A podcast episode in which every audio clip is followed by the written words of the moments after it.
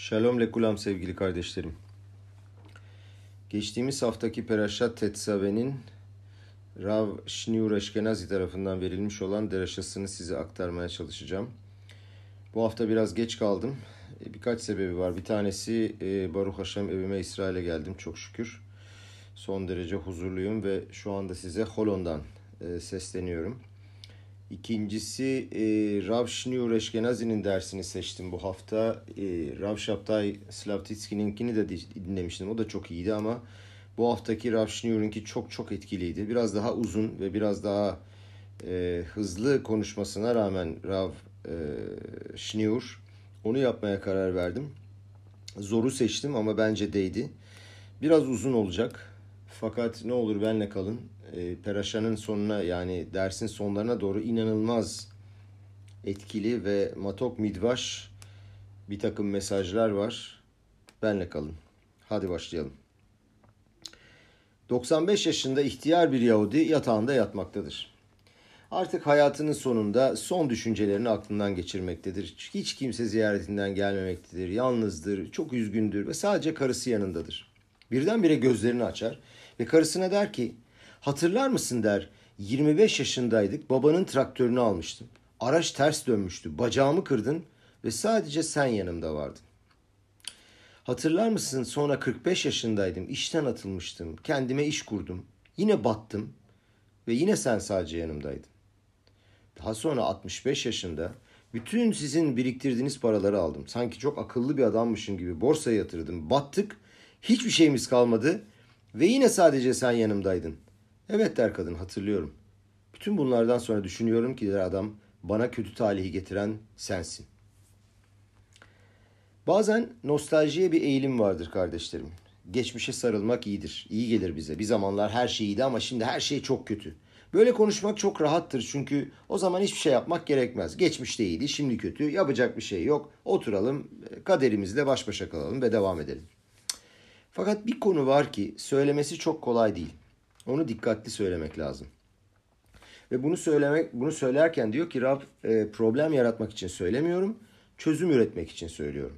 Tanrı'nın olaylara ne şekilde baktığını anlayabilmek için. Bugünlerde gerçekten perişan olduğumuz bir konu var ve hiçbir çözümü yok. Tarih boyunca hiç alışılmadık istisnai bir durumdayız diyor Rav. Liderliğin çöküşü. Geçmiş nesillerde olan liderlerimizin eksikliğini yaşıyoruz.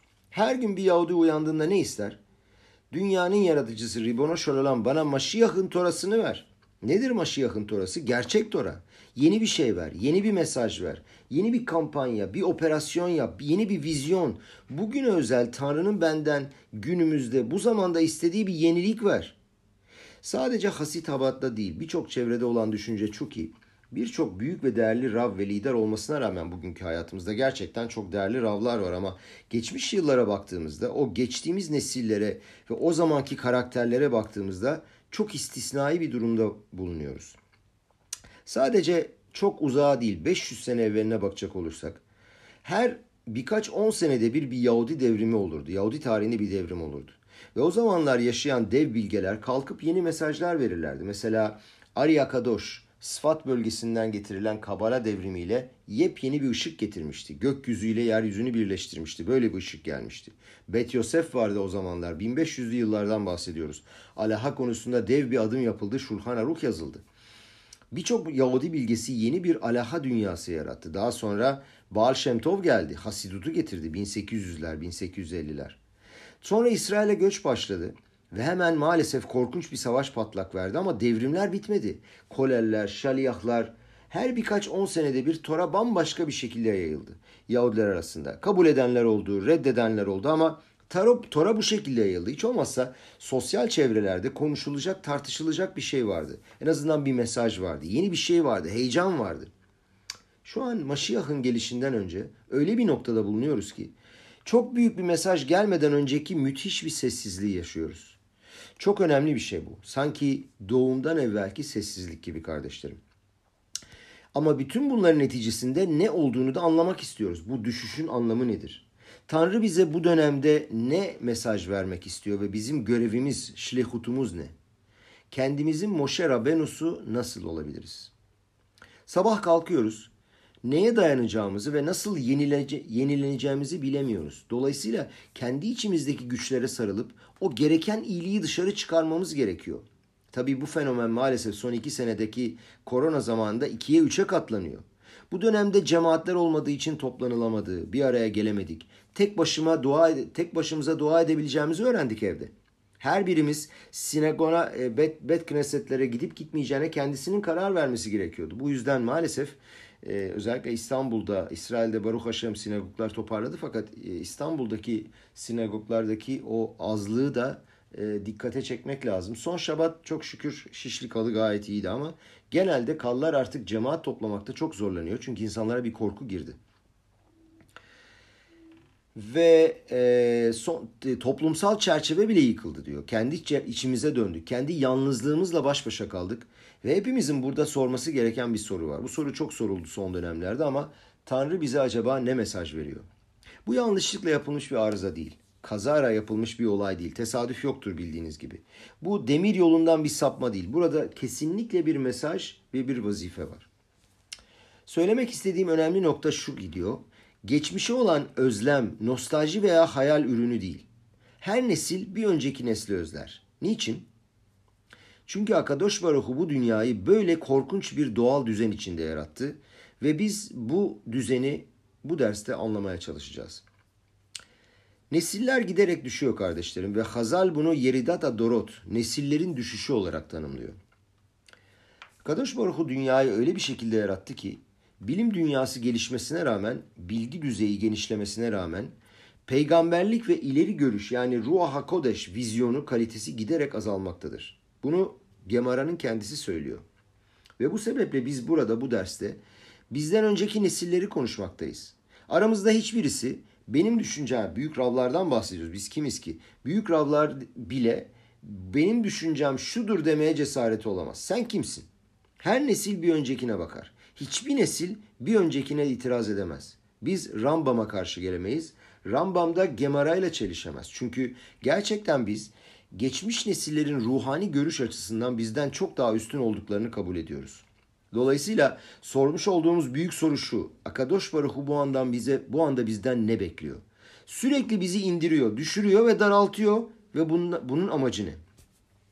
30 sene 30 sene kadar önce bu haftanın peraşası e, ve Ata Tetsave ile alakalı Rabbi Rabbi Milubovic özel bir mamar yazıp dağıtmış. Bu mamar hastalanmadan önce yazıp verdiği son söylemdi. Ve kendi eliyle yazdığı bu mesajda bu mesaj öyle güçlü ki gerçekten dersin sonunda bunu açık ve seçik bir şekilde anlatacağız. Muazzam bir mesaj var. Çok çok etkileyici. E, bu peygambersel bir vizyon haline geldi. Tüm bu söylem boyunca Rabbi esasında üç kelime üzerine konuşuyor. Avoda bekoah atzmu. Kendi gücüyle çalışmak. Öyle bir döneme ve aşamaya geldik ki kardeşlerim her Yahudinin yeniden yeşermesi, litzmoah, büyümesi ve kendi kendine Moşe Rabben olması gerekiyor. Tanrı bizi yalnızlığa ve tek başına kalmaya mahkum edip ayrılırken acaba bize her birimize ne mesaj vermek istiyor? Her birimizin sabah kalktığında bir tutunacak kablosu olması lazım ve kendini harekete geçirecek bir motor gücü bulması lazım. Bugün Moşe Rabenu'nun ölümünü konuşacağız. Maalesef zayıflama. Çünkü Moşe'den sonra başka bir Moşe gelmedi. Moşe bir taneydi ve başka bir tane olmadı. Ve bugün Moşe'nin nerede olduğunu anlamaya çalışacağız. Bizim onunla ilişkimiz nedir? O bize nasıl etki etti? Nesillere nasıl katkıda bulundu? Niçin Akadosh Baruhu böyle bir şey yaptı? Niye Moşe'den sonra başka bir Moşe yok? Yahuşua'dan sonra da başka bir Yahuşua olmayacak ve bir sonraki nesillerde hep sürekli düşüş olacak. Buradaki mesaj nedir? Rav diyor ki ben burada diyor haz ve halila mutsuzluk yaymak istemiyorum ama ve ne istiyorsak onu yapma düşüncesinde de değilim. Tam aksine Diyor ki bize büyük bir sorumluluk verecek olan bir mesaj verme niyetindeyim. Akadosh Baruch diyor ki ben her nesilde ışığı biraz daha azaltıp herkesin kendi ayakları üstünde durmasını ve kendi kendine gelişip yeşermesini sağlamak istiyorum. Moşe Rabenu'nun o muazzam ışığı arkasına gizlenmek değil fakat her birimizin kendi kendimize Moşe Rabenu olmamızı sağlamak için. Hürriyeti kendi içinde oluşturan ve dışarı çıkaran bir kişi inşa etmek istiyorum. Tanrı'ya olan büyük bağlılığını bulup herhangi bir mağarada mucizevi bir şekilde değil Hani böyle vizyon geldi hoppa falan bir şey oldum değil. Ama bunu kendi seçimiyle, kendi kendisine yapmamızı istiyor Akadosh Baruhu. Gelin bu derste Moshe Rabenu ile, ile, ile olan ilişkimizi bir gözden geçirelim. Tora'da hakikaten Peraşa'nın başında, Tetsave Paraşası'nın başındaki o e, cümle kadar basit fakat aynı zamanda komplike bir cümle yok. O kadar basit ki hani Şabat sabahı Peraşa okurken bunu okuduğumuzda diyoruz ki normal bir cümle ne var bunda normal diyoruz. Fakat üstünde o kadar soru sorulmuş ki bütün yorumcuları inceleyecek olursak diyor Rav Alşih, Abravanel, Kliyakar, Rambam en az onar tane soru 50 tane soru saydım diyor. Ve bu soruları topla, topladığımızda şöyle e, kategorizasyonlar doğru yerde değil, cümle yapısı doğru değil, doğru zamanda söylenmiyor ve Moşe'nin tüm bu olaylarla bu konularla ne ilgisi var? Bu muazzam sorulara şöyle başlayacağız. Bu hafta Mişkan, Mişkan'la alakalı ikinci paraşayı okuyoruz. Geçtiğimiz hafta temel minimal talimatları aldık. Gerekli maddeleri toplayıp inşaata başlamak. İnşaatla alakalı gerekli olan talimatları aldık. Ama henüz tapınak e, Mişkan inşa edilmedi. Koanimler henüz görevlerine atanmadı. Elbiseler dikilmedi. Hiçbir şey yok. Yani müteahhitle oturduğumuz ilk aşamadayız Kablan'la. Henüz daha ilk çizim üzerine konuşuyoruz. Şu bize kaça mal olacak? Yatak odası, salon ve mutfak nerede olacak? Ne tür malzemeler alacak? Bunların muhabbetindeyiz. Yani tapınağın inşasındaki en basit, en verimli, en temel aşamadayız. Bu bir aşamada, Tetsave'de bir aşama daha ilerliyoruz. Keuna'nın yani Kohenlerin serili elbiseleriyle ilgili talimatlar alıyoruz. Kohanimleri hazırlamaya başlıyoruz. Onların görevlerini tanımlıyoruz. Hepsi güzel. Onların göreve başlayamaları için staj dönemini çalıştırıyoruz. Onları hazırlıyoruz bu konuda. Her şey normal ve yolunda. Geçtiğimiz hafta kullanılacak olan araçların talimatını aldık. Bu hafta kohanimleri hazırlıyoruz. Süper. Ama henüz tapınak yok. Kohanimler daha atanmadı. Birinci aşamadayız. Ve birdenbire Tora iki tane cümle gönderiyor, sallıyor. Hiç alakaları olmayan. Normal olması gereken zamandan bir sene evvel gelen bir pasuk. Nasıl başlıyor Peraş'a? Hatırlayalım. Ve ata tetsave et bne İsrail. Ve sen bene İsrail'e emret. Ve ikhu eleyha şemen zayid zahkatit lamaor lealot ner tamid. Daimi kandili yakmak için sana aydınlatma amacıyla elle ezilmiş zeytinden mamul berrak yağ getirsinler.'' Bu cümleyi çok e, böleceğiz ve inceleyeceğiz birazdan. Daha önce dediğimiz gibi yorumcular 50 tane soru sordular.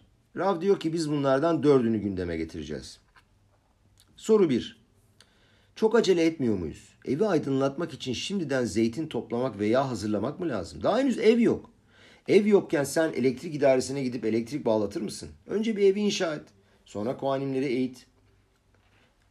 Affedersiniz.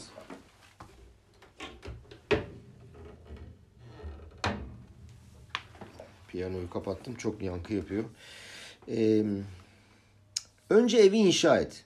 Ondan sonra git elektrikleri e, elektrik için e, müta şeye e, elektrik idaresine başvur. Ee, ve koanimleri evi inşa et. Koanimleri eğit. Menoreyi yakacakları zaman zeytin toplayıp yağ hazırla. Bunların talimatlarını ver.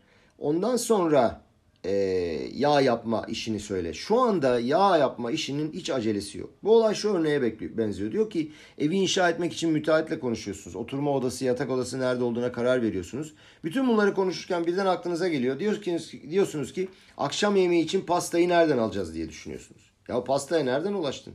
Daha ev yok, yemek yok, mutfak yok, gaz yok, ocak yok. Sen pastayı mı düşünüyorsun? Olay zaman açısından da garip. Şu aşamada 17 Temmuz'dan öncesini konuşuyoruz. Shavuot ile Shiva Asar Betamuz arası. 17 Temmuz arası. Diyelim ki Chodesh Betamuz olsun. Ve Akadosh Baruhu zeytin toplayıp yağ getirilmesini emrediyor. Fiili olarak Mişkan'ın inşasına Yom Kipur'da başladılar. Ve Rosh Chodesh'te binayı ayağa kaldırdılar. O halde menoreyi yakabilmem için ne zaman yağ ihtiyaç var? Tam bir sene sonra. O halde şu anda zeytin toplayıp yağ getirmenin ne manası var? Abravane soruyor.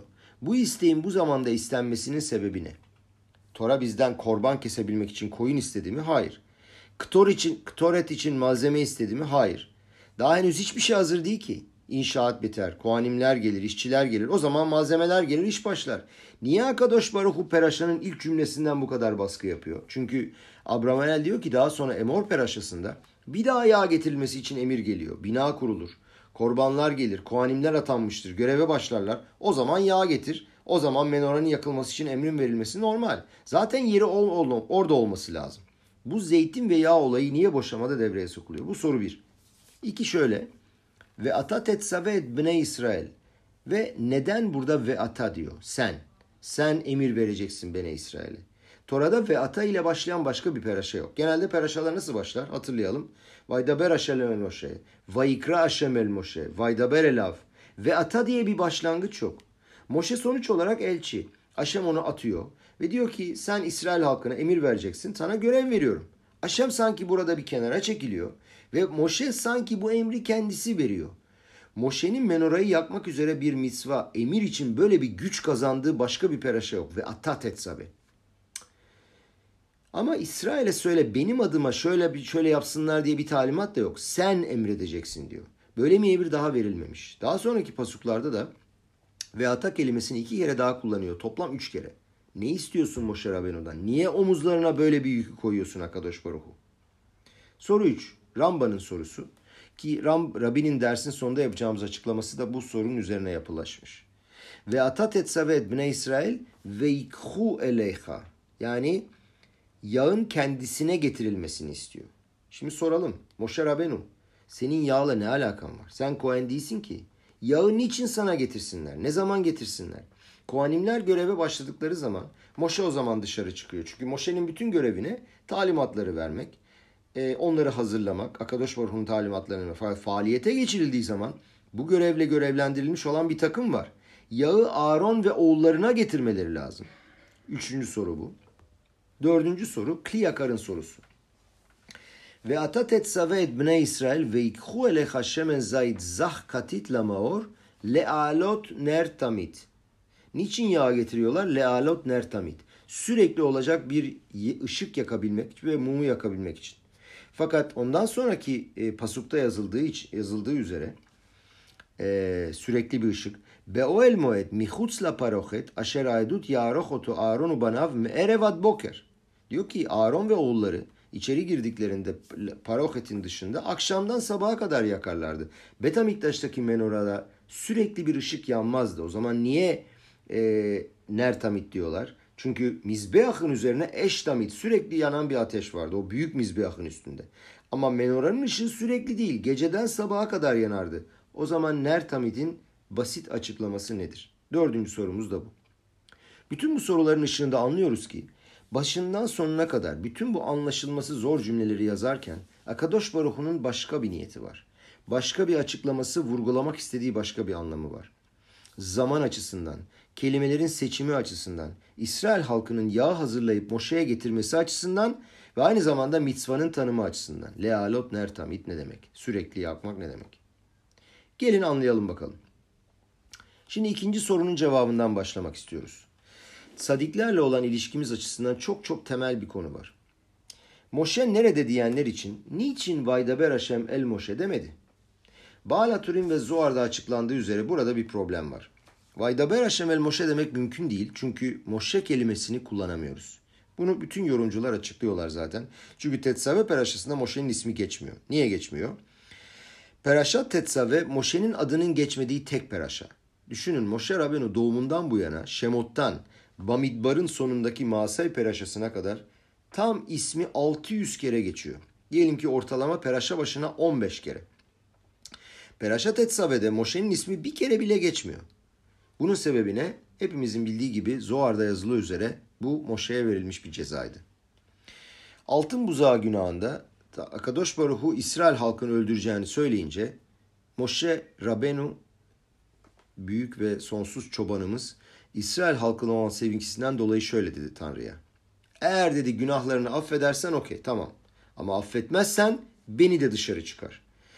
Onun yüzünden İsrail'in halkının öldürüldüğü bir Tora'da yani Tora yüzünden İsrail halkı öldürülecekse ben böyle bir Tora'da yazılı olmak istemiyorum dedi. Lidere bakın. Daha önceki derslerde söylediğimiz gibi İsrail Tora'dan önce gelir. Tüm Tora'nın amacı çocuğu inşa etmek. Çocuğu değiştirmek değil. Çünkü leahlif dedi, değiştireceğim dedi seni. E, gel dedi senin neslinden bir e, bir millet daha yaratayım dedi. Ama ne dedi Moshe Rabenu? Ki böyle bir lider inşallah Melek Hamaşiyah gelecek. Eğer ki Tora yüzünden, okul yüzünden çocuğu öldürüyorsak benim ismimi çıkar dedi bu okuldan. Ben bu okulda kalmak istemiyorum. Şimdi koşul konsa bile eğer bir klala, lanet söylendiyse yerine gelmek zorunda. Eğer hatalarını affetmezsen sil beni demişti. Akadosh Baruch onu dinledi. Hatalarını affetti ama buna rağmen klala söylendiği zaman iz bırakır.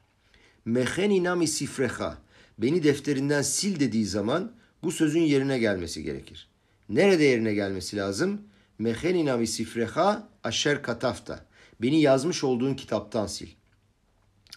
Ama o zamana kadar yazmış olduğun kitaptan sil. Burası çok enteresan. Bu lafın söylenmiş olduğu kitisa peraşasından önceki son peraşa hangisiydi? Tetsave. Dolayısıyla Tanrı söylenmiş olan lafı yerine getiriyor ama ne zaman? Lanetin söylendiğinden önceki peraşada. Bu birincisi. Birinci açıklama. İkinci açıklama şöyle.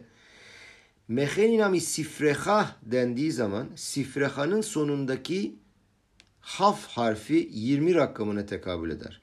Sefer haf demek yani peraşat haf. Yani peraşa Tora'nın başlangıcından beri, Bereşit bara Elohim'den beri 20. peraşa. Dolayısıyla Akadosh Baruhu söylenen sözü burada yerine getiriyor ve bu yüzden Moşe'nin ismi bu peraşada geçmiyor. Başka bir açıklamada ceza verildiği ve Moşe'nin ismini kullanamayacağımız için başka bir çare kalmayıp sen atak kelimesini kullanmak zorunda kalıyoruz. Biliyorsunuz bir çift kavga edip birbirlerine ismi söyleyeme, söyleyemedikleri zaman çaresiz sen kelimesini kullanırlar. İsmini söyleyemeyeceği için leh der git.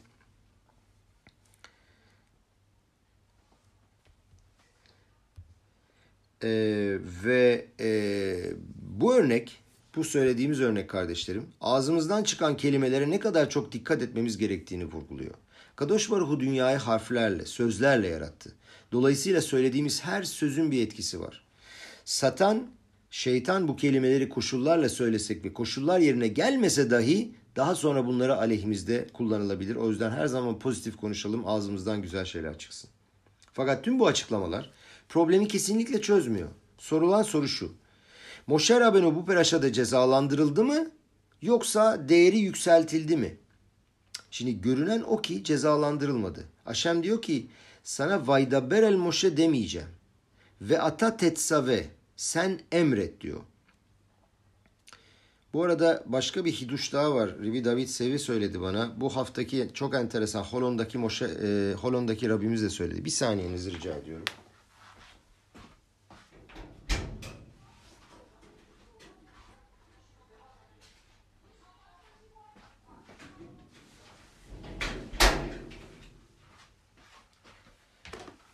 Tetsave Peraşası'nda e, pasuk sayısı 101.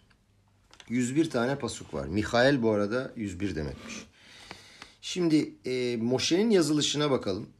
Moşe yazılırken e, üç harfle biliyorsunuz Moşe yazılıyor. Mem, Şin ve Hey.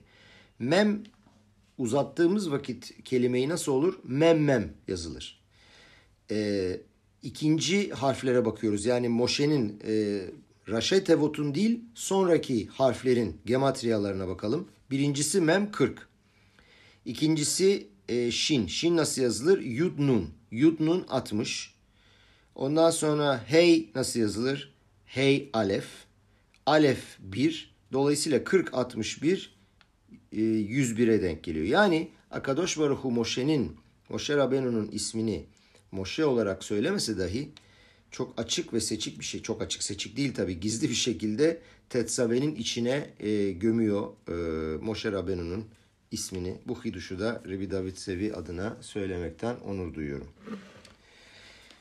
Evet şimdi diyor ki burada e, dedi demiştik cezalandırıldı mı yükseltildi mi? Aşem diyor ki sana Vaydaber el Moshe demeyeceğim ve Ata Tetsabe diyeceğim. Bu söylem çok daha kuvvetli.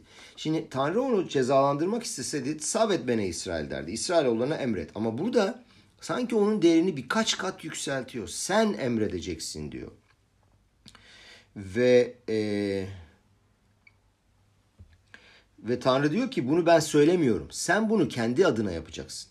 Görüyoruz ki Akadosh Baruch onun ismini belki çıkarıyor ama sanki onu birkaç kat yükseltiyor. Tanrı burada hepimize muazzam bir mesaj veriyor. Moshe Rabenu bu dünyayı terk ettikten sonra nerede bulunuyor? Evet onun ismini zikretmeyeceğimiz zamanda dahi yani o olmadığı için ismini artık söyleyeceğimiz zamanda dahi Moşe nerede bulunuyor? Akadosh Baruhu çok daha derin bir sebepten dolayı kardeşlerim ceza olarak değil. Çok daha derin bir sebepten dolayı Moşe'nin ismini hatırlatmıyor. Onun ismini ortadan kaldırmak için değil. Tam tersine çok daha fazlasını başka bir şekilde sunmak için. Gelin olayın içine biraz daha derin girelim. Rabi'ye ve ondan önceki birçok bilgiye göre Moşe'nin bu peraşada hatırlatılmaması için bir sebep var. Vaydaber Haşem el Moşe yazmadığı için ve ata demesi ve onu daha da fazla kaldırılması, kaldırması, yükseltmesi için bir sebep daha var. Çünkü bu hafta bir şey oluyor kardeşlerim. Bu hafta yani geçtiğimiz hafta Moşe Rabenu dünyayı terk ediyor. Peraşat Etsave her zaman yedi adara denk gelen haftada okunur. Moşe Rabenu'nun ölüm yıl dönümünün denk geldiği hafta. Senelik takvimin ne kadar düzenli olduğunu belirten bir mucize aslında bu. Hem normal yıllarda hem de bu sene biliyorsunuz Adar iki kere yapılıyor. Adar ve Adar var. Onda bile her zaman yedi Adar'a denk gelir. Ve e, Peraşat Etsave her zaman yedi Adar'ın haftasında okunur. Akadosh Baruch diyor ki bu Peraşa'da bir tsadik bu dünyayı terk ettiğinden sonra bile nerede olur? Sadik bu dünyayı terk ettikten sonra bile e, ilişkimiz bu dünyadaki gibi olamaz. Neden biliyoruz? Nereden biliyoruz Moshe Rabenu'nun bu dünyayı yedi adarda terk ettiğini? Peki Moshe Rabenu'nun tam tersini soralım. Ölüm yıl dönümünü nereden biliyoruz? Şöyle, enteresan bir hiduş daha var burada ben yeni öğrendim. Ki bunu birkaç e, mecrada duydum.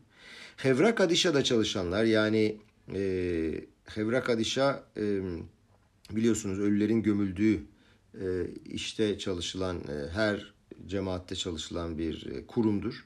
Burada çalışanlar yedi adarda oruç tutarlarmış. Moşe Rabenu ile görüş birliği içinde olup birebir tek başına kalmak ve birleşmek için. Şöyle diyor Rav Eşkenazi, Yom ityahadut im Moşe Rabenu. Peki niçin Hevrak Adişa yedi adarda oruç tutup Moşe Rabenu ile birleşirler de mesela Aaron Akohen ile birleşmezler? Çünkü yedi adar onların tatilde olduğu tek gündü. Biliyorsunuz Moşe Rabenu kendi kendini dömdü. Daha doğrusu Akadosh Varuhu gömdü onu. Hiç kimse onun e, gömüsünde bulunmadı. Ve dolayısıyla Hevrak Adişa onu gömmek zorunda kalmadılar. Yani o günü tatilde geçirdiler. Bu yüzden her sene hem o günde oruç tutarlar hem de o günün önemini, kendilerine verilen işin ne kadar mübarek ve önemli olduğunu tartışırlar. Nereden biliyoruz peki Moşe Rabenu'nun yedi adarda bu hafta öldüğünü? Tora'da hiçbir yerde yazmıyor. Tüm Tanah'ta Aaron Akohen haricinde kimsenin ölüm yıl dönümü açık bir şekilde yazmıyor. Fakat Gemara şöyle bir hesap yapıyor. İsrail'e giriş yazdığına göre Moşe Rabenu'nun ölümünden 33 gün sonra olmuştu. 30 gün ağladılar ve 3 gün sonra İsrail'e girdiler diye yazar. İsrail'e giriş tarihi tam 10 Nisan. 10 Nisan'dan 33 gün geriye gidersem 7 Adar'a ulaşırım. Gemara'da yazılı olduğuna göre Moşe Rabenu 7 Adar'da öldü ve 7 Adar'da doğdu. Nereden biliyoruz 7 Adar'da doğduğunu? Basit. Ölüm gününde şöyle diyor. Peraşat Vayelech'te Moşe Rabenu diyor ki Be ve esrim şana anochi ayom lo uchal latset ve lavo. Ben bugün 120 yaşındayım ve bundan daha fazla çıkıp gelemem. Ne demek ayom? Bugün. Yani bugün benim doğum günüm. Moşe Rabenu aynı günde hem doğum hem de ölüm, ölüm gününde itvadut yaptı. 7 Adar günü onun 120. doğum günü hem de ölüm günüydü. 120 sene yaşadı. Aynen bu şekilde söylüyor. Be measim şana anohiyayom. Peki eğer ölüm yıl dönümünün 7 Adar'da olduğunu biliyorsam doğum günümün de 7 Adar'da olduğunu biliyorum. Aynı zamanda bugün benim doğum günüm diyor. Yani biliyoruz ki Moşe Rabenu bu hafta öldü ve doğdu. Eğer bu hafta öldüyse Tora'nın bu durumda ilgilenmesi lazım. Bundan bahsetmesi lazım. En azından bir ipucu olarak. Bu peraşamızın ilk cümlesinin hikayesinin açıklamaların bir kısmı. Haşem diyor ki Moşe Rabenu'ya, dinle Moşe Rabenu. Sen diyor terk edeceksin bu dünyayı. Ben nesillerin düşüşü düzeninin olmasına karar verdim diyor Akadosh Baruhu. Senin her zaman bu dünyada olmayacağın bir düzen. Güneş kaybolacak ve Yehoşua gelecek. Güneş biliyorsunuz Moşe Rabenu'yu temsil eder. Ay da Yehoşua'yı. Güneşe nazaran sadece ay olacak Yehoşua. Onun ışığı daha az olacak.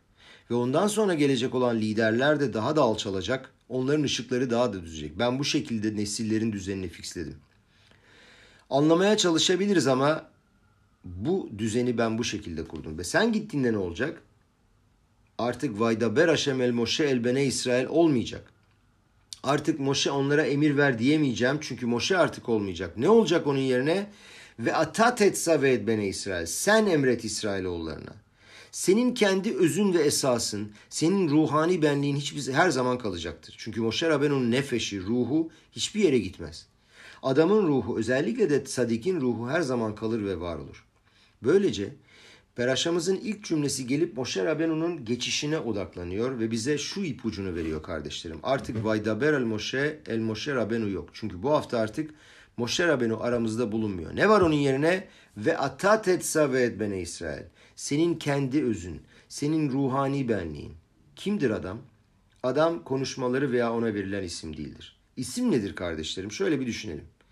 Seni tanıyabilmeleri, ve sana senin için kurulmuş olan bir tanımdır. Eğer ben tek başına yaşasaydım bana bir isim vermek zorunda kalmayacaklardı. Beni abimden ayrılmaları için anne ve babam bana ayrı bir isim verdiler. İsmim ben değilim. İsim sonuç olarak benle ilişkiye girebilmeleri için bir araçtır. Benim özüm ismimden çok daha yüksek bir seviyededir. Aşem diyor ki Moşe Rabbeni'ye öyle günler gelecek ki sana isminle hitap edemeyecekler.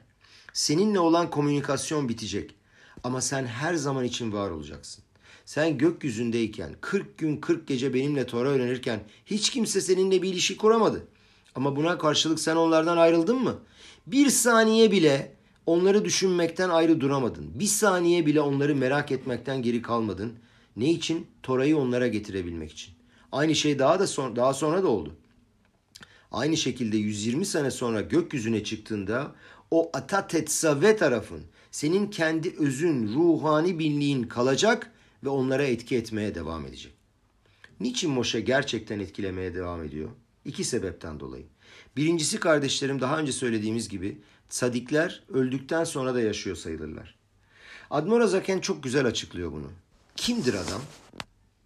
Sadiye gittiğimizde kime gidiyoruz? Onun vücuduna, ayaklarına, ellerine mi gidiyoruz? Kime gidiyoruz? Onun ruhuna gidiyoruz hayatiyetine, canlılığına, sevgisine, emunasına, yirat aşemine, tanrı korkusuna gidiyoruz.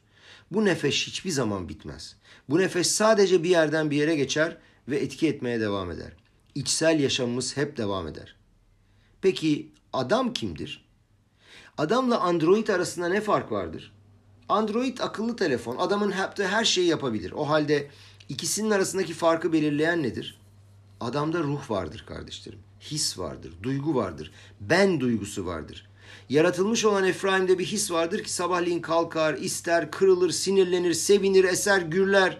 Android'de ben duygusu yoktur. Onun içinde ona verilen görevler vardır. Onun içinde yaşayan bir Steve Jobs yoktur mesela. Kalkıp isteyen bir adam, bir ruh yoktur içinde. Bizim vücudumuz androidtir. Evet. O ona verilmiş olan görevleri ifa eder. Fakat vücudumuzun içinde aynı zamanda bir ben vardır o belirli şahsiyet vardır ki kalkar, ister, sinirlenir, heyecanlanır. Bu kişisellik, bu şahsiyet ölümle bitmez. O vücudun içinde sadece misafirdir. Elektrikli bir aletin içinde misafir olarak duran elektrik gibi. Ölüm zamanında vücut toprağın altına girer ama o ben olan ruhumuz göklerden geldiyse oraya geri döner. Normal bir adamda öyleyse sadikte haydi haydi öyledir. Sadik aşağıdayken bile vücutla değil daha fazla ruhuyla hareket eder. O yiyip içmekten keyif almaz. Onun esası ve yaşama prensibi nedir?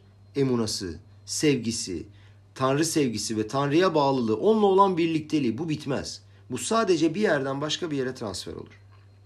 Sadik bu hayat, bu dünyayı terk ettiğinde hayatta olduğundan çok daha fazla ruhu bu dünyanın içinde faaliyet gösterir. Niçin?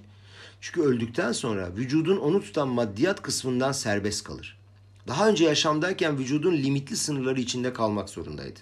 Yemesi, içmesi, uyuması lazımdı. Ölümden sonra ise vücudun limitlerinden salınmış oluyor. Geriye ne kalıyor? Onun başkaları için düşüncesi, onları önemsemesi, onlar için yaşaması ve merak etmesi. Akadosh Baruch diyor ki Moşe Rabbenu'ya ve atat etsave et bene İsrail. Moşe artık olmayacak. Onu ismiyle çağıramam bundan sonra ama onlar da seni isminle çağıramazlar. Fakat sen senin onları önemsemen ve onları merak etmen hiçbir zaman bitmeyecek. Onlara etki etmeye devam edeceksin. Bunun haricinde Moşe'nin başka bir üstünlüğü daha var.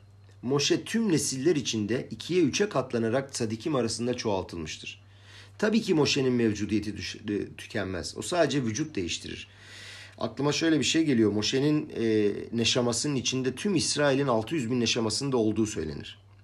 Dediğimiz gibi Moşe sadece vücut değiştirir. Yahuşua'nın vücuduna girer. Yahuşua'dan zkenime, oradan nevime. Dolayısıyla bu nokta gayet açık ve seçik. Buradan şöyle başlayabiliriz. Birinci pasuk yani Veata Tetsave pasuğu bu hafta gelen bir olayla birlikte yaşam yazılmıştır. Yedi Adar'da Moşe'nin bu dünyayı terk etmesiyle Aşem bize isimlerini söylemek mümkün olmadığında Sadikim'in nasıl aramızda bulunduğunu izah ediyor. Moşe yok ama veata tetsave. Sen Moşe devam edeceksin mücadele etmeye ve liderlik etmeye devam edeceksin. Rav diyor ki olayları havada soyut olarak bırakmak istemediğim için diyor çok şahsi bir deneyimimizi anlatacağım size diyor. Ve bunun için eşinin de iznini almış. Veata tetsave'nin manası ne?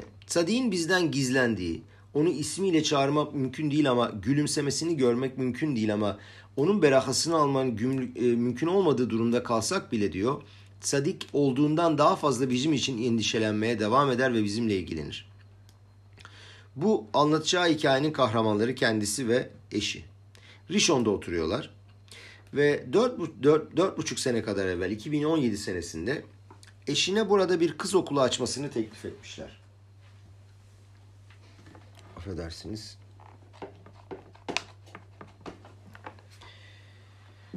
Ve e, eşine bir kız okulu açmasını teklif etmişler. Kendisi burada 10 senedir e, çocuk yuvası olan bir okulu başarıyla yönetmekteydi. Yani bir okul müdiresiydi.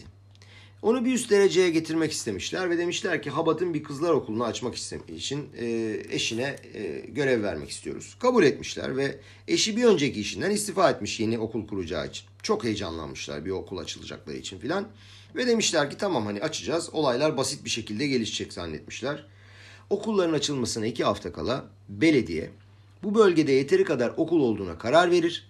Bir okul daha açmak istemez ve e, açmak için yer de olmadığını söylerler ve proje iptal olur. Okulların açılma günü gelir çatar ve diyor ki Rab eşim sefil bir durumdaydı. Hiçbir ufku kalmamıştı. Düşünün 10 sene boyunca çalıştığı bir yer var. 30 tane işçinin çalıştığı bir kurumu yönetiyor. Ama okulun ilk açıldığı gün onun için müthiş coşku dolu bir gün olmasına rağmen hiç kimse onu beklememektedir. Kimsenin ona ihtiyacı yoktur. Evde yalnız kalmıştır. Çocuklar okula gitmişler. Rav diyor ki ben de işime gittim. Çünkü diyor evden kaçtım onunla yalnız kalmak istemedim. Ne diyeceğim bilmiyorum diyor. Akşama doğru beni telefonla aradı. Dedi ki eve geldiğinde dedi sana çok enteresan bir şey anlatacağım. Eve geldim diyor Rav. Anlattı. Şöyle diyor. Evde yalnız kalmıştım diyor karısı. Ne yapacağımı bilmiyordum. İşsizlik için mi başvurayım? Gerçekten ne yapacağımı bilmez bir şekilde oturuyordum evde.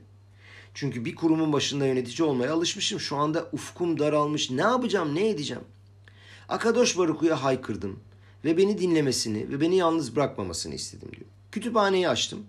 Rabbinin yazmış olduğu yorumlar kitabından bir tanesini açtım. Ve dedim ki Akadosh Baruku bana lütfen bir mesaj gönder. Gemara'da yazılı olduğu üzere eskiden beri bir Yahudinin soracağı bir şey, öğrenmek istediği bir şey olduğunda bu da enteresan, yeni öğrendim bunu da. Bir kitabı açıp o kitaptan ona bir mesaj gelmesi gelenekmiş. Mesela yola çıkmadan evvel veya bir çocuk isterlerse kitaba bakarlarmış bir sayfayı açıp ve oradan mesaj gelirmiş. Eşi kitabı çıkarmış dolaptan ve bana gösterdi. Bak burada ne yazıyor. Rabbi'nin, Rabbi Miluva için birisine yazmış olduğu bir mektup. İsrail'den birisi bir şey yapmak istemiş. Bir işe girmiş. Başarısız olmuş. Ve bu yüzden şikayet ediyor. Rabbi de ona diyor ki bak diyor bu olayı kalbinde büyütme. Çünkü diyor İsrail topraklarında her şey çok dinamiktir. Her şey her an değişebilir. Şu anda belirli bir şekilde görülen bazı olaylar. Beot meşehsman burası çok önemli. Beot meşehsman kmoşana mechetsa. Yani bir buçuk sene içinde bir buçuk sene gibi bir süre zarfında başka türlü görünebilir diyor. Kafamı kitaptan kaldırdım diyor e, Rav Ve eşime dedim ki bir buçuk sene boyunca işsiz kalacaksın. Ve hakikaten aynı dediğimiz gibi oldu. Eşim bir buçuk sene çalışmadı. Bu arada başka bir şey daha oldu. 15 ay sonra belediye seçimi gerçekleşti. Bir şekilde eski ve çok kuvvetli olan belediye başkanı değişti. Yeni bir e, belediye başkanı, genç, kalbi geniş bir adam seçildi. Ve ilk icraatlarından biri olarak da bir okul kurmak istedi. 2019'un Şubat ayında Belediye Eğitim Bakanlığı'na mektup yazıyor. Habat diyor burada bir kızlar okulu kurmak istemişti. Lütfen bunun listesini, normunu bana gönderin. Ağustos 2017, Şubat 2019 hesap edin. Tam Şana ve Mehetsa. Bir buçuk sene. Söyleyin bana diyor Rab. Eğer bu diyor ve ata tetsave değilse yani Moşe Rabenu'nun İsrail halkını görüp onu güç vermeye devam etmesi değilse ve ata tetsave'nin basit anlamı başka nedir? Bu peraşanın ilk mesajı Akadosh Baruchu Moşe Rabenu ile ilgili tavrını ve tutumunu değiştirir. Bize sadece şu ipucunu vermek için. Bazı zamanlar vardır ki İsrail'in çobanları başka türlü davranırlar. Onu ismiyle çağırmak mümkün değildir. Elini tutmak mümkün değildir fakat ruhani bir şekilde o lider İsrail halkı için endişe eder. Ona liderlik eder ve ona güç vererek yönetmeye devam eder. Bu fikre göre yorumcuların anlayabilmek için kafalarını kırdıkları çok acayip bir gımaraya göz atalım. Aman İsrail milletini yok etmek için tarih belirlemek ister ve fal açar. Sevip onu yuvarlar. Bir ay sonra Purim var. Aman kararı ne zaman uygulayacağı ile ilgili kararsızlık çeker. Aman bilir ki bu Yahudiler ne olursa olsun bir şekilde kurtuluyorlar. Toparlıyorlar işi. Ve der ki kura çekeceğim. Yahudilerin mazalı olmadığı bir günü tespit etmeye çalışacağım. Öyle bir gün seçecektir ki o gün Yahudiler bu lanetten kurtulamayacaklardır. Bir bakar Sevivon Adar ayına düşer. Aa der süper. Çünkü Adar ayında Moşe ölmüştür. Mazal olmayan bir aydır. Bu ayda onları bitirecektir. Fakat bilmiyordu ki aynı ayın içinde Moşe doğmuştu. Yedi Adar'da öldüğü gibi yine yedi Adar'da doğduğunu da bilmiyordu. Çünkü aynı günden aynı güne 120 sene yaşamıştı. Dolayısıyla ne olur? Bu Adar ayında Moşe'nin doğumu ölümünden üste çıkar. Bu yüzden mazal değişir, olaylar tersine döner. Şimdi bu Gemara'yı okuyan herkes şu soruyu soruyor. Diyor ki, niçin diyor aman Moşe'nin bu tarihte doğduğunu bilmiyordu. Eğer Moşe'nin bu tarihte öldüğünü bilecek kadar iyi bir bilgeydiyse, bir hahamsa, doğduğu günü de bilmesi lazım. İkisi de Tora'da yazmıyor. Masahet Kiduşin'de aynı e, Masahet Kiduşin'de aynı sayfa üzerinde Gimara'da yazıyor. Diyor ki eğer Masahet Kiduşin'i okumuş ve öğrenmiş bir talmid hahamsa Gemara'nın başıyla sonunu bilmesi lazımdı. Ne yaptı diyor. Uyudu mu diyor dersin ortasında. Nasıl olur bilmez bu detayı diyor. Moşe'nin öldüğünü biliyor, doğduğunu bilmiyor. Birinci soru bu. İkinci soru şöyle. Niçin Gemara şöyle söylüyor? Velo aveyada şebomet Moşe ubo nolad Moşe. Yani Moşe'nin bu tarihte öldüğünü dikkat edin. Önce Şebo Met Moşe diyor. Ubo Nolad Moşe diyor. Normal şartlarda nasıl yazması lazım? Önce insan doğar, sonra ölür. Fakat burada Met Moşe ve Nolad Moşe. Şimdi bunlara cevap aramak için Yonatan Aybişitz'in yazmış olduğu muazzam bir fikir var. Onu açıklıyor Rav. Diyor ki, tabii ki diyor Aman Moşe'nin doğduğu tarihi biliyordu. Bunun için büyük bir bilgi olmaya gerek yok. Ama Aman düşündü ki Moşe doğdu ve sonra öldü. Sonra da her şey bitti. Bana ne diyor ne zaman doğduğu?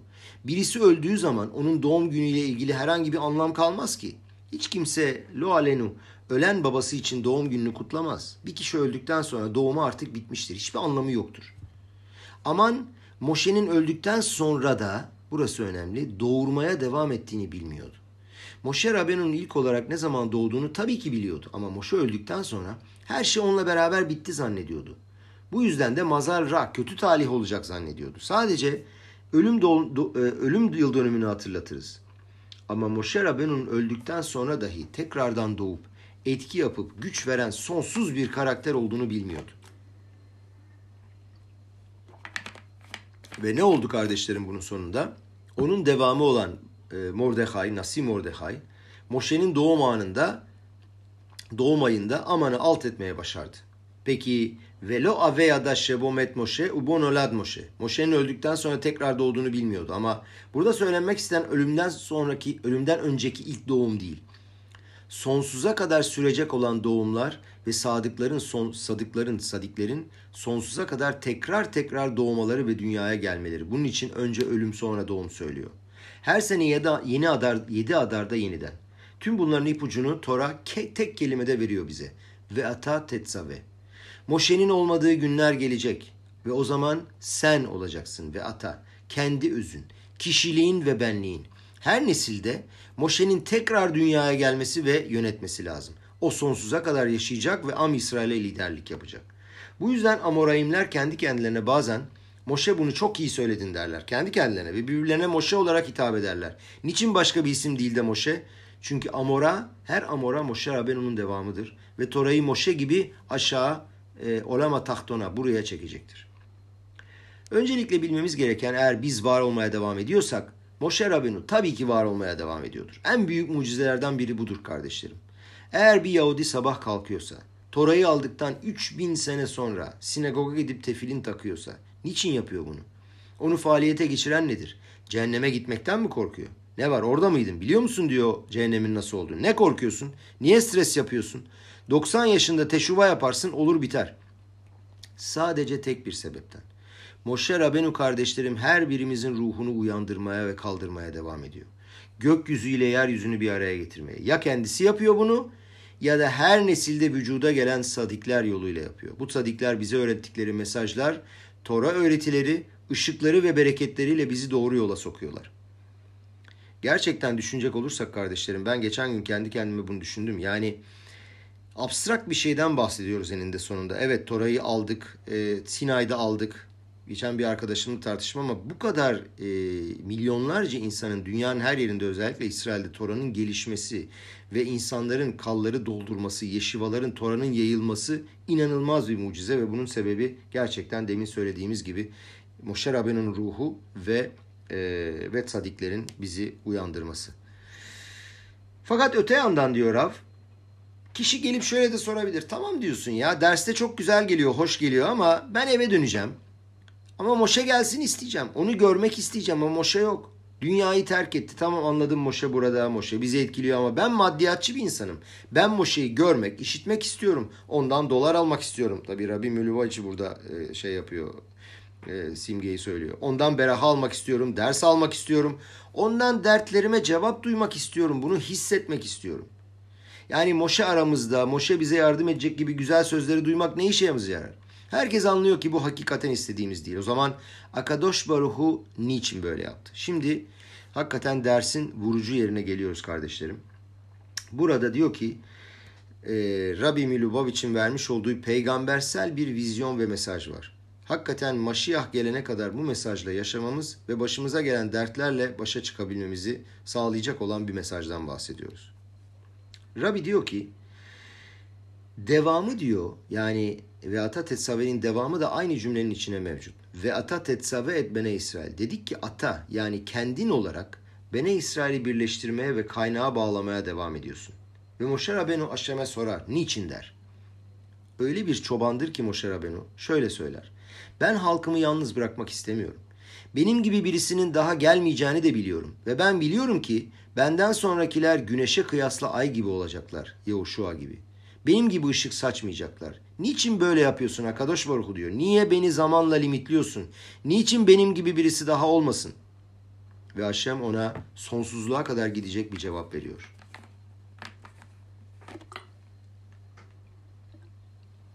Ve ikhu elecha şemen zayih şemen zayit zah katit lamaur. Zaman gelecek diyor. Onlar kendi ışıklarını yayacaklar. Ve ikhu eleha şemen zayit zah. Onlar kendi ışıklarını yakıp aydınlatmak zorundalar. Ben bu dünyayı diyor Tanrı senin sürekli ışığı yakıp aydınlatıp onları taşıman için yaratmadım. Bu dünyayı her bir kişinin, her bir Yahudinin kendi kendine Moşe Rabenu olabilmesi için yarattım. Herkesin kendi ruhunun görevini ve gücünü bulması için yarattım. Bu zor dünyada güçlüklere direnmek, tutunmak ve başa çıkabilmesi için kendi kuvvetini bulabilmesi ve kendi ateşini yakabilmesi için. Yahudi sabah dün Moşe Rabbani'yi dinleyip ondan güç aldığı için kalkmayacak. O diyor Sinay Dağı'ndaydı. O dağdaki muazzam gösteri ve olağanüstü atmosfer içinde tabii ki Tora'yı kabul edip alacaklardı. Fakat bu dayanmaz, bu kalmaz. Niye? 40 gün sonra altın buzağı hatasını yaptılar. Şu cümle çok önemli bence. Coşku yüzünden veya başka bir sebep yüzünden gelecek olan sevgi dayanıklı olmaz. Sürekli olmaz. Tanrı'nın istediği herkesin kendi beyninde ve kalbinin içinde alev alması. Bu sadece bir şey sebebiyle gerçekleşebilir. Bunu söylemek acı veriyor ama gerçek bu kardeşlerim. Bir çocuk sadece baba uzaklaştığı vakit olgunlaşabilir. Çocuk kendi başına bir şeyler yapmaya sadece babası ona denemesi için izin verdiği zaman başlayabilir. Düşecek fakat kalkıp başaracak. Sadece adamın seçim şansı olduğu zaman, babası yana çekildiği zaman, ışık olmadığı ve güç olmadığı zaman, coşku olmadığı zaman o zaman herkes kendi gücünü, kendi bulması gerektiği zaman sadece bu durumda kişi kendi ışığını bulabilir. Ve o zaman o ışık onun olur. Adam ilk olarak seçtiği zaman alevlenmeye ve ışık, ışık saçmaya başlar. Bir adamın ilk defa kendi başına karar verebildiği an doğduğu andır kardeşlerim. Fetüs durumundan hür, bağımsız duruma düşünür. Ne demek doğum günü? Şöyle düşünelim. O gün bağımsız hareket edebilen birisine dönüştüğün gündür. Hayatımızın boyunca hayatımız boyunca biz doğum günü kutlarız fakat doğum günü ne demektir? Biliyorsunuz adamın seviyesi hep düşer. Önce aldık, kabul ettik, yemek yedik, içtik. Hep annenin hesabına yaşadık. Ama artık bir takım şeyleri kendi kendine yapması lazım. Hür ve bağımsız olması lazım. Kendi başına işlerini halledebilmesi lazım. İşte bugündür onun doğum günü. Kişinin doğumu kendi başına alevlendiği ve ışık saçtığı gündür. O zaman ışık senin olmaya başlar. Aşem Moşe Rabbenu'ya diyor ki ve ata tetsave etmine İsrail. Ne için? Yağı senin getirmen için değil. Ve ikhu eleha şemen zayit. Onlar sana yağ getirmeleri için. Onların her birisi kendi kendine yağmaya başladıkları an ve kendi kendilerini aydınlatmaya başladıkları an. İşte o zaman. Adam ne zaman kendini aydınlatmaya başlar? Işık biraz kısılınca, o da biraz daha loş hale gelince, her şey çok açık seçik olmayınca, daha az kolay hale gelince herkesin kendi kendine karar vermesi lazım. Kalkıp kalkmamaya, gelip gelmemeye, yapıp yapmamaya. İşte senin doğduğun gün budur. Ne dedi Akadosh Baruch Avraham Avinu'ya? Leh leha. Kendi içine git. Kendi içinde mevcut olan güçleri bul. Bunu sadece deneyimle ve sınavlarla, zorluklarla karşılaştığında ancak kazanabilirsin. Bir insan ona karşı gelenlere galip gelebilmek için lazım olan gücü bulduğunda, kendisinde mevcut olduğunu bile bilmediği güçleri ortaya çıkardığında ve bunlara göre karar aldığında işte ancak o zaman olgunlaşır. Bunu en iyi kim biliyordu? Moşer Rabenu'nun kendisi. Tam bir mucize. Hakikaten muazzam bir fikir. Lütfen dinleyin. Moşer Rabenu birinci levhalarla aşağı iner. Gökyüzünden almış olduğu levhalarla. Düşünsenize Akadosh Baruhu'nun kendi kise akavot, kutsal tahtının altından ürettiği mübarek levhalarla. Ama ne olur? O levhalarla aşağı indiğinde hiçbir şey olmaz. Onlarla beraber aşağı iner. Günür ki halk Heta'ya geli işlemiş. Halk günah işlemiş altın buzağı. Ne yapar? Yere atar onları kırar. Bundan üç ay sonra Yom Kipur'un ertesi günü Moshe Rabbenu ikinci levhalarla aşağı iner ve müthiş bir mucize görünür. Bu bizim tanıdığımız Moşe değildir. Moşe'nin yüzü parlamaktadır, ışıldamaktadır. Moşe ve levhalar artık tek bir parça haline gelmiştir. Yüzü öyle bir şekilde parlamaktadır ki direkt yüzüne bakmak mümkün değildir. Yüzünün üstüne bir maske, bir örtü koyması gerekiyordu ona bakabilmeleri için. Buna bakıyorsun. Yani olaya bakıyorsun. Hiçbir şey anlamıyorsun. Diyorsun ki Moşe'nin ikinci kere indirmiş olduğu levhaları kendi yapmıştı. E gökyüzünden Tanrı'dan Akadosh Baruhu'nun kendi kise akabotundan verdiğin levhaları indirdin. Tamam diyor taşlar parlıyordu fakat kendisi parlamıyordu. Fakat ikinci kez çok daha alçak seviyede olan levhalarla indiğinde o zaman sana bakmam mümkün değildi diyor. Sanki yeni bir Moşe doğmuştu. Sanki bir melek aşağı inmişti de levhaların ışığı onun yüzü kanalıyla parlıyordu. Hohmat adam tair panav. Kişinin bilgeliği yüzünü aydınlatır. İlk lefalarda böyle bir şey olmamıştı. Peki ne oldu? Birinci lefaları Moşe Rabenu talmid olarak indirmişti. Öğrenci olarak indirmişti. Aldığı lefaları elçi olarak, görevli olarak aldı ve onları aşağı indirdi. Öğrenci değişemez kardeşlerim. İkinci lefaları ise lider olarak indirdi. Kendi kararını aldıktan sonra. Ne olmuştu? Önce birinci lefaları aşağı indirdi ve bir anda karar vermek, karar alması gerekiyor. Düşünsenize İsrail halkını mı seçeceğim yoksa Tora'yı mı seçeceğim? Levhaları tutuyordu ve halk altın buzağı yapmıştı. Biliyordu ki eğer bu levhaları onlara verseydi Akadosh Baruhu ile olan evlilik akdini imzalamış olacaklardı. Ve dolayısıyla isyan ettikleri için karşı geldikleri an ceza almaları gerekecekti. Ne yaptı? Ketuba'yı sevdiğinden daha çok gelini sevdiğine karar verdi. Yani kadını kontrattan daha çok sevdiğine karar verdi. Ve ne yaptı? Kontratı aldı, yırttı, yere çarptı ki böylece halk Akadosh Baruhu ile evlenmiş olmasın. Ve sonra Tanrı'ya diyebilsin ki daha senle evlenmediler. Ne istiyorsun ki onlardan? Moşe birinci lefaları aşağı indirdiğinde hayatının kararını alır. İsrail halkının Tora'dan daha önce geldiğinin kararını alır. Ben Moşe Rabenu olarak kendi büyüklüğüme yani Tora'yı veren Moşe Rabenu olarak ke Tora sivalanu ke Moşe adanmış bağlılığımdansa diyor İsrail halkına daha çok bağlıyım ve onlara kendimi ben adadım. Adam bir kere karar aldığında bin tane basamağa birden çıkmış olur. Kişi hep başkalarından aldığı zaman zarfında değişemez. İlk olarak sorumluluğu aldığında işte o zaman değişir. O babasının mevcut olmadığı ilk sabah. İşle ilgili ne yapman gerektiğinde kendin karar vermen lazım. Sağa mı, sola mı gideceğine kendin karar vermen lazım. İşte doğduğun gün o gündür. Tanrı Moşe Rabbeni'ye diyor ki Veikhuli şemen zayt zah. Herkes kendi ışığını kendisinin yakmasını istiyor. Kendi ışığımı yakabilmem için seni biraz diyor yana çekmem lazım Moşiko. Her nesilde ışığın seviyesini ağır ağır indiriyorum ki çok zor sınavlardan geçecek olmalarına rağmen her Yahudinin belki de kendilerinde olduğunu bilmedikleri güçleri kullanmaları gerekecek. Evet çok zor dönemlerden geçecekler. Daha önce dediğimiz gibi senelerdir yeni bir mesaj almadık kardeşlerim. Yeni bir Tora almadık. Bizi tekrar yaşama döndürecek, yaşatacak, canlandıracak bir şey almadık ama buna rağmen her Yahudinin aynı bağlılık, aynı inanç ve aynı sevgiyle korona var veya yok, sinagog var veya yok bu Tora ile devam etmesi lazım. Kadosh Baruhu diyor ki tüm bunlara rağmen bu senin kendi gücünle yaptığın çalışmadır ve bu senin olacaktır. Senin çalışman olacaktır, senin ışığını yakacaktır ve senin hesabına yazılacaktır. Şmirat Şabat Keilhata isminde birçok eşkenaz ailenin elinde olan bir kitap vardır.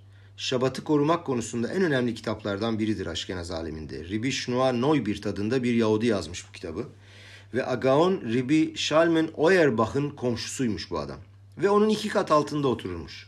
Şare Hesed bölgesinde ne zaman bir sorusu olsa her seferinde ona çıkar sorarmış ve cevabını yazarmış. Bu şekilde Şabat'ı koruma alakaları konusunda en önemli kitap ortaya çıkmış. Fakat İlhot Şabat konusuna bu adam kendisine adamasına ne sebep oldu Şabat kanunları konusunda? Niçin faiz konusunda, şmita konusunda, et ve süt konusunda değil de İlhot Şabat? Hayatının her döneminde sadece buna vakfetti yaşamını. Niçin? Kitabın açılışında bir hikaye anlatır.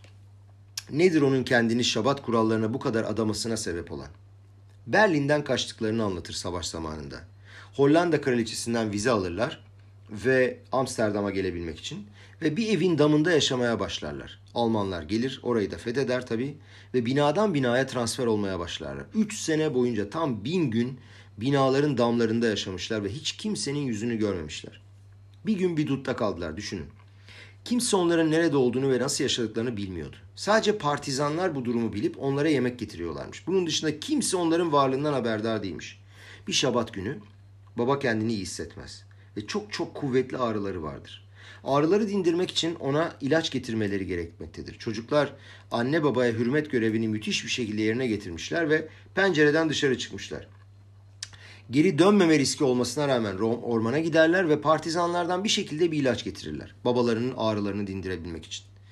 Bin gün dışarı çıkmamışlar düşünün. Sadece babalarına o gün ilaç getirmek için kendilerini tehlikeye attılar. Şabat günü öğleden sonra ilaç gelir. Ama garip bir şuruptur. Baba tadına bakar. Çok acı gelir. Kokusu da çok kötüdür. Baba der ki bakın der şabatta böyle bir ilaca bağlamak, başlamak şabatın onuruna layık değil. İlacı bir kenara bırakacağım. Şabat çıkışında başlarım. Ama baba çok ağrım var, çok kötü. Hayır der. Bu şabatın onuruna uygun değil. Eğer ben bu ilacı alırsam kusarım ve bu şabatta olmaz. Geceleyin alırım fark etmez. İki saat sonra müthiş bir gürültü olur ve partizanlar evin içine dalarlar. Aman sakın ilacı almayın. Niye? Yanlışlıkla size zehir verdik. Savaşın bütün patırtı gürültüsüyle ve karışıklığıyla zehir verdik size ilaç yerine. Çocuk babanın şabat için nelerden vazgeçtiğini görür. Kendini nelerden mahrum ettiğini ve nasıl adadığını görür ve Şabat'ın babasını nasıl koruduğunu görür. Şabat'ın gücü babasının hayatını korumuştur. Kardeşlerim biz herhangi bir şeyin üstüne para ödemezsek ve herhangi bir şeyi onun için vakfetmezsek ona bağlanamayız. Herhangi bir şeye karar vermezsek ona bağlanamayız. Zor bir şey karşımıza geldiğinde herhangi bir önemli şeyden vazgeçip işte karar almak. İşte Akadosh Baruch Moshe'ye diyor ki tüm bu cümle senden sonraki zaman için söylenmiştir. Ve ata tetsave. Öyle günler gelecek ki sen yukarıdan, sen uzaktan yukarıdan ve ata şeklinde etki edebileceksin. Bana niçin diye soracak olursan, Akadosh Baruch diyor ki ben onları sevmiyor muyum? Niye seni alıyorum? Ve ikhu elecha shemen zayit zah. Onların yağı olsun istiyorum, senin yağın değil. Dünyanın her bölgesinde, her yerdeki Yahudi kendi kararını kendisi alması için, kendi içindeki gücü bulması için. Rabbi diyor ki ve ikhu ele haşemen zayd zah katit la maor. Ne demek katit la maor? Yani ışığı e, ışığı yakabilmek için katit ezilmiş. Herkesin gücünü toplayabilmesi, kendini toplaması, kutsaması ve neşamasının özünü, esasını ortaya çıkarması lazım. O ezmek olayı bu. Lalot nertamit. Eğer Yahudi kendisi seçtiği zaman işte o zaman ışık mum sürekli yanar. Evet eğer Moşe Rabbe'nin ışığı ise bazen peşinden gidersin bazen evde kalırsın. Ama ışık eğer seninse, eğer her zaman seninse seninle kalır ve yanmaya devam eder. İşte bizim seçtiğimiz, bizim üstüne ödediğimiz ışıksa ve ben bu yolda gideceğime kendim karar verdiysem ışık ve mum gece de yanar, gündüz de yanar, öğleden sonra da yanar. Sürekli yanar. Nedir lealot nertamit? Sadece zamansal olarak değil, sonsuz olarak değil, tatbik edilme ve var olma anlamında hep yanacak olan sizin ışığınız başkasının değil. Senin ışığın sana bağlı. Sen varsan var, sen gittiğin zaman o da gider. Başındaki seni kontrol eden bakıcı gitti. Hemen gittin altın buzağı hatasını yaptın. Hiç uyanamadın. Fakat sen ilk defa seçimi yaptığında işte o zaman ışık sürekli olacak. Ve alttan gelen sizin içinizden gelen ışık olacak. Rabbi son söyleminde müthiş bir noktaya daha değiniyor. Yahudi ve İsrail tarihi tamamında Akadosh Baruhu konuşan pozisyondan dinleyen pozisyonuna geçiyor. İsrail tarihinde proses boyunca baştan sona doğru güç gitgide insanların seçimine bağlı olur. Merkeziyetçilik, toplum, başkan giderek önemini kaybeder. Seçim daha çok kişiye bağlı olur, kişisel olur. Rabbi bu söyleminde dört tane hazırlık safhasından bahseder ve bitiriyoruz. İsrail halkı ilk kendini adaması Matan Torah ile başlar. Hepimiz tek kalp ve tek kişi ve tek ruh olarak Levehat ve İşehad olarak dağın altında ayakta durduk. Peki bizim seçimimiz var mıydı? Hiçbir seçimimiz yoktu. Akadosh Baruhu dağı üstümüze çevirdi. Ya kabul edersiniz ya burası sizin mezarınız olur dedi. Dediğimiz gibi korkudan değil, sevgiden ve özlemden çıkan doğan bir kabul, kabuldü. Daha yeni çıkmıştık Mısır'dan. Hayır mı diyecektik. Rabbi diyor ki seneler geçti. Eretz İsrail'e geldik. Toplumsal yaşam başladı, kralımız oldu, merkezi yönetime geçtik. Sonra ne oldu? Birinci sürgün çıka geldi. Babil sürgünü. Yurt dışına çıktık. Babil'de 70 sene yaşadık. Başka ülkelerin otoritesi altındaydık. Dillerini öğrendik. Onların bir parçası olduk. Kralın kutlamasına davet edildik. Ahasveroş'un. Bir yere kabul edildik. Yeruşalayim Halila Şuşan'a dönüştü. Sonunda sof sof Yahudi olmayan bir başkentimiz oldu. Şu anda maalesef e, Berlin, Yeruşalayim diyorlar. Ona da çıldırıyorum ama sanki o aklıma geldi şu anda. Ve sonra Aman'ın hükmü patlak verdi. Herkes kiminle gideceğine karar vermek zorunda. Seviyemiz düştü. Tepemizde duran dağ yok. Sinay'daki sevgi yok. Tek kalp, tek kişide büyük arzumuz yok. Başka milletler tarafından yönetilen sürgündeki bir milletiz. 70 sene boyunca yabancıların kültürüyle yaşarıyoruz. Ve herkesin seçmesi lazım. Ne oldu? Aşem bir basamak daha uzaklaştı ve İsrail halkı artık daha fazla seçim yapmak zorunda kaldı ama çok şükür ki o zaman Mordecai ve Ester vardı. Etraflarında tüm halkın toplandığı iki tane güçlü lider vardı ve bu iki lider Şuşan'daki tüm Yahudilere etki edebiliyorlardı ve herkes geldi peşlerinden. Hala her iki lider de halkın başında duruyordu. Sonra ne oldu? Eretz İsrail'e geri döndük. İkinci Betamiktaş inşa edildi ve sonra ikinci sürgün ve hala bugüne kadar içinde olduğumuz Edom sürgünü. Ne oldu? Cemaatlere bölündük. Hiçbir başkanımız yok, kraliçemiz yok. Herkes kendi başına kalmıştı. Rabbi bu duruma şöyle bir örnek veriyor. Komünist Rusya'da herkes çocuğunu kendi başına sünnet ettirmek zorunda. Herkes tek başına mikve kurmak zorunda. Ve onunla birlikte olacak Mordecai gibi bir lider onları uyandırıp çekip çevirecek birisi yoktu. Böylece ne oldu? Bir basamak daha indik. Fakat hala Yahudi doğruyu seçti. Burası da üçüncü durak. Birinci durak Sinay Dağı. ikinci durak Babil. Üçüncü durak dünyanın dört bir yanına sürgüne dağıldık. Ve sonra Rabbi 70-80 son 70-80 seneyi dördüncü durak olarak getiriyor. Geniş olarak, rahat olarak ülkemize geldik. Artık iyi olacak. Kimse bizi tehdit etmiyor, kimse bizi korkutamıyor. İyi oldu ama ruhani anlamda daha kötü oldu kardeşlerim. Niye? Çünkü artık kimseyi ilgilendirmiyoruz. Din artık o kadar hiç yer almıyor ki dünyanın genelinde. O kadar layık oldu ki herkes. Dindar olup olmaman kimsenin umurunda değil. Kimsenin canını sıkmıyorsun, kızdırmıyorsun, gıcık etmiyorsun. Bir zamanlar dünya dindardı ve senin Hristiyan veya Müslüman olmanı istiyorlardı. Misyonerlik vardı. Ya şu anda ise e, laik ve bireysellik dünyasındayız. Yahudi olmak istiyorsan ol bana ne? Affedersiniz. Kimseyi harekete bile geçiremiyorsun. Daha da kötü artık kimseyi rahatsız da etmiyorsun. Kendinde bir teklik, bir özellik, bir eksklusivite olup olmadığını hatırlamıyorsun bile. Kendinden daha fazla, daha çok güç harcamak zorundasın.